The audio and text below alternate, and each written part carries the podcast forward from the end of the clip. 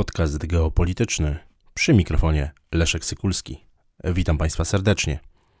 W miniony poniedziałek, 18 grudnia 2023 roku, Departament Obrony Stanów Zjednoczonych ogłosił rozpoczęcie mm, specjalnej militarnej e, misji morskiej obejmującej Zatokę Adeńską i Morze Czerwone.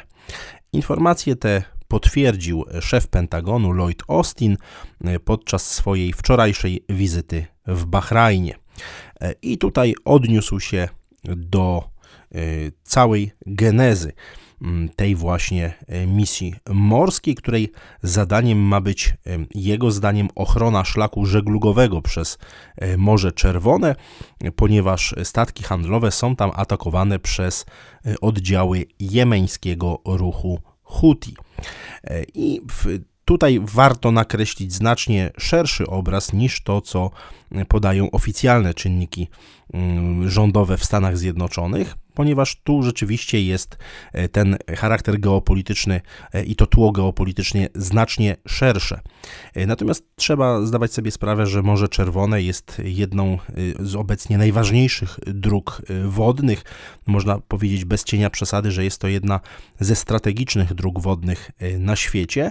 Bardzo istotny korytarz handlowy, który mm, ułatwia handel międzynarodowy. Natomiast ta nowa operacja, którą Amerykanie nazwali Prosperity Guardian, czyli strażnik dobrobytu, mm, ma przynajmniej oficjalnie stawiać czoła mm, tym wyzwaniu, temu wyzwaniu, jaki stanowi ruch e, Houthi, wystrzeliwaniu, e, wystrzeliwujące rakiety balistyczne i bezzałogowe aparaty latające, atakujące e, statki i tak dalej, i tak. Natomiast ważny jest oczywiście ten kontekst konfliktu na Bliskim Wschodzie. Waszyngton ogłosił, jakie państwa wesprą jego działania, i ta właśnie mm, operacja Strażnik Dobrobytu mm, ma połączyć takie państwa jak Wielka Brytania, Kanada, Francja, Włochy, Holandia, Norwegia, Hiszpania y, czy Bahrajn Natomiast warto zauważyć, y, kogo na tej liście nie ma, y, ponieważ z krajów arabskich ma wejść w skład tej operacji wyłącznie wspomniany przeze mnie Bahrajn. Natomiast zarówno Zjednoczone Emiraty Arabskie, jak i y, Arabia Saudyjska miały odmówić udziału w tej operacji. W tym momencie warto także dodać, że Operacja Strażnik Dobrobytu jest inicjatywą opartą mm, o międzynarodową koalicję działającą już zresztą od kilkudziesięciu lat, która nazywa się Combined Maritime Forces która liczy no, blisko 40 e, państw, która dba o swobodę żeglugi w regionie e, Bliskiego Wschodu, no, nie tylko w, na obszarze Morza Czerwonego, ale także Morza Arabskiego czy mm, na obszarze Zatoki Perskiej. I w skład właśnie CMF, czyli tej Combined Maritime Forces, wchodzi pięć grup zadaniowych. E, Strażnik Dobrobytu. Ta operacja ma działać na bazie jednej z nich, właśnie odpowiedzialnej za Morze czerwone. Tutaj tak naprawdę Amerykanie nie proponują nic nowego, ale próbują jakby efektywniej wykorzystać pewne, pewne mechanizmy, pewne procesy już istniejące, biorąc pod uwagę także całą tę układankę geopolityczną, o której jeszcze, jeszcze wspomnę. Też ten fakt takiego, no nie tyle, że sprzeciwu, co mocnego zdystansowania się Arabii Saudyjskiej, jak i Zjednoczonych Emiratów Arabskich wskazuje na to, że Arabowie po prostu nie wierzą w skuteczność tych działań prowadzonych w ramach CMF i nie wierzą w skuteczność działań tych, który, którymi przewodzą tak naprawdę, kierują dzisiaj Stany, Stany Zjednoczone.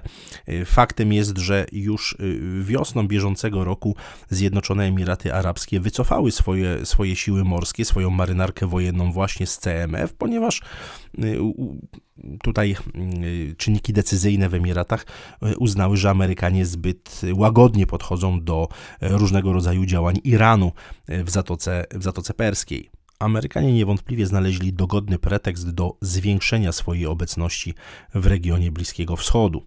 Zresztą już grupa uderzeniowa US Navy, której przewodzi lotniskowiec o napędzie atomowym Dwight Eisenhower, przybyła do rejonu Zatoki Adeńskiej. Są tam także niszczyciele i amerykańskiej marynarki wojennej, i niszczyciel brytyjskiej, brytyjskiej floty, także fregata francuskiej marynarki wojennej. I co ciekawe, także Niemcy planują na początku 2024 roku wysłać swoją e, fregatę. Natomiast e, ten pretekst, e, jakim jest zwalczanie ruchu Hutich, ruchu tak naprawdę nazywającego się Ansarilla, ruch jemeńskich szyitów zajdytów, no właśnie najczęściej od nazwiska klanu przywódców Huti, nazywany ruchem Hutich, to jest, to jest pewna, pewien pretekst, tak jak powiedziałem. Istotny jest tutaj konflikt y, izraelsko-irański, konflikt narastający, napięcie w relacjach między Stanami Zjednoczonymi, Izraelem i Islamską Republiką Iranu. Natomiast niewątpliwie warto przyjrzeć się temu, co się wydarzyło po obaleniu wieloletniego przywódcy Jemenu y, Ali Abdullaha Saliha, gdzie, który wyniósł do władzy, no właśnie dotąd mocno dyskryminowanych w życiu publicznym szyitów y, zajdytów. Y, ten ruch Ansarilla podjął pod koniec 2011 roku aktywne działania, działania zbrojne, tak aby pod koniec już 2014 roku przejąć władzę nad stolicą Jemenu, czyli nad Saną. I dotychczasowe władze zostały rozwiązane. Mm, ówczesny prezydent Abdrabu y, Mansur Hadi y, w 2015 roku dostał się do aresztu domowego. Mm, potem został uwolniony, uciekł do Adenu, to jest duże miasto na południu, na południu Jemenu, a następnie zbiegł do Arabii Saudyjskiej. Tam y, udało mu się przekonać Saudyjczyków do interwencji zbrojnej. I tutaj nie ma co do tego żadnych, żadnych wątpliwości, że taka interwencja zbrojna bez poparcia Stanów Zjednoczonych byłaby po prostu y, niemożliwa. No niewątpliwie to, że Huti stali się sojusznikiem czołowego rywala y, Arabii Saudyjskiej w regionie, czyli Iranu, miało tutaj znaczenie, znaczenie decydujące i rozpoczęła się bardzo krwawa wojna. 26 marca 2015 roku Arabia Saudyjska rozpoczęła masowe naloty na, na Jemen. Została poparta oczywiście przez Stany Zjednoczone, przez Wielką Brytanię. To absolutnie nie dziwi. Mocarstwa anglosaskie y, bardzo mocno, bardzo silnie zwalczają wpływy y, irańskie w regionie Bliskiego Wschodu. Do tej zbrojnej interwencji włączyły się chociażby także Zjednoczone Emiraty Arabskie, które zresztą z czasem zaczęły ograniczać liczbę swoich, swoich oddziałów w Jemenie. No ale faktem jest, że y, te y, walki, ta wojna y, koalicji, którą stworzyli Saudowie przy walnym wsparciu anglosasów, kosztowała życie ponad 150 tysięcy osób, wielu cywilów, wielu, wiele dzieci, także ogromna epidemia cholery. No I wystarczy zobaczyć, jak wiele miejsca poświęcono tej jednej z najkrwawszych współczesnych wojen w, pol, w, polskich mediach, w mediach głównego nurtu. No, praktycznie wcale się o tym nie mówiło. Jest to jedna z ciemnych kart, tak naprawdę, czy jedna z wielu ciemnych kart mm, mm, właśnie y, Stanów Zjednoczonych, bo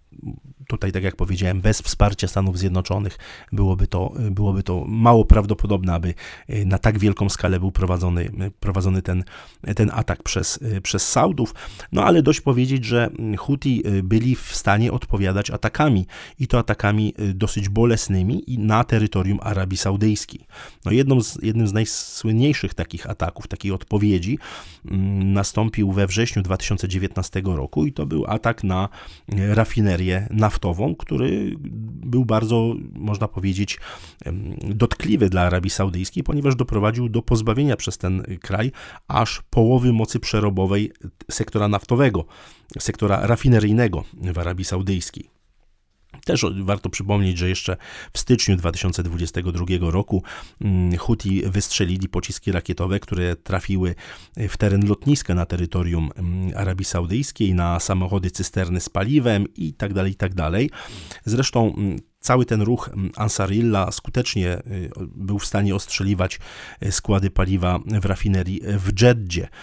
Też tutaj pokazuje to, jak współczesna technologia, jak ta technologia transferowana z Islamskiej Republiki Iranu, jeśli chodzi o bezzałogowe aparaty latające, jeżeli chodzi o różnego rodzaju drony, jest w stanie niwelować, no taką można powiedzieć, przepaść technologiczną dzielącą Ansarilla z, na przykład ze siłami zbrojnymi Arabii Saudyjskiej. Jeżeli chodzi o te ataki na statki płynące po Morzu y, Czerwonym, to rzecznik prasowy ruchu Houthi mm, jasno wskazał, że traktuje to mm, jako te statki jako cele wojskowe, konkretnie te statki, które płyną do Izraela bądź są w jakiś sposób z Izraelem powiązane. Y, to jest odpowiedź ruchu Houthi na mm, działania wojskowe Izraela w strefie, w strefie gazy. Y, I trzeba sobie tutaj też jasno powiedzieć, że przez kanał Suezki przechodzi dzisiaj około 12% światowego transportu towarów. Tutaj no, niewątpliwie jest to szlak morski y, obok y, cieśniny Malaka czy obok kanału panamskiego, jeden z najważniejszych dla światowego, światowego handlu.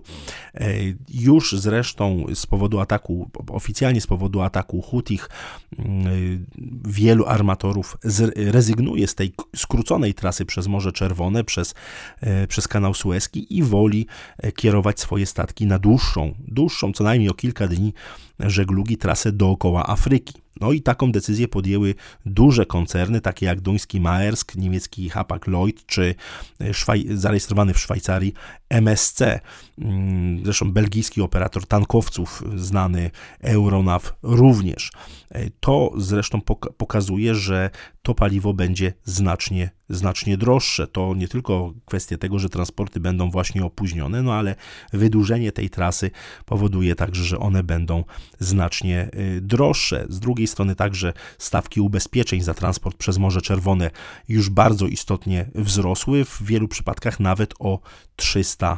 300%. Y, no, reasumując, trzeba przyznać, że rozpoczęcie operacji Strażnik Dobrobytu jest dla Amerykanów w istocie przyznaniem się do tego, że wszelkie dotychczasowe działania dyplomatyczne, militarne, mm, jeżeli chodzi o zwalczanie ruchu Hutich, no nie zadziałały. Nie zadziałały. To jasno pokazuje również, że strategia przyjęta przez Teheran, strategia przyjęta przez mm, nie tylko dyplomację, ale czynniki militarne w Iranie, tworzenie tej tak zwanej osi oporu, wywoływanie coraz większych napięć między, mm, między Stanami Zjednoczonymi Izraelem, a E, ich e, arabskimi sojusznikami przynosi e, konkretne, konkretne rezultaty.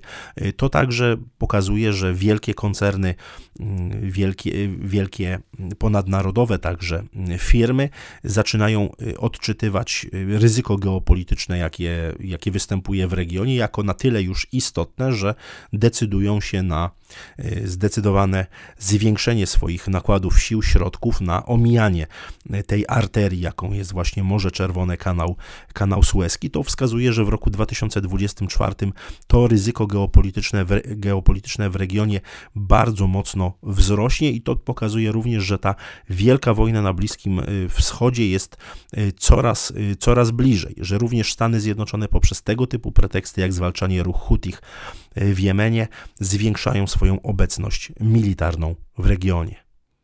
Dziękuję Państwu za uwagę.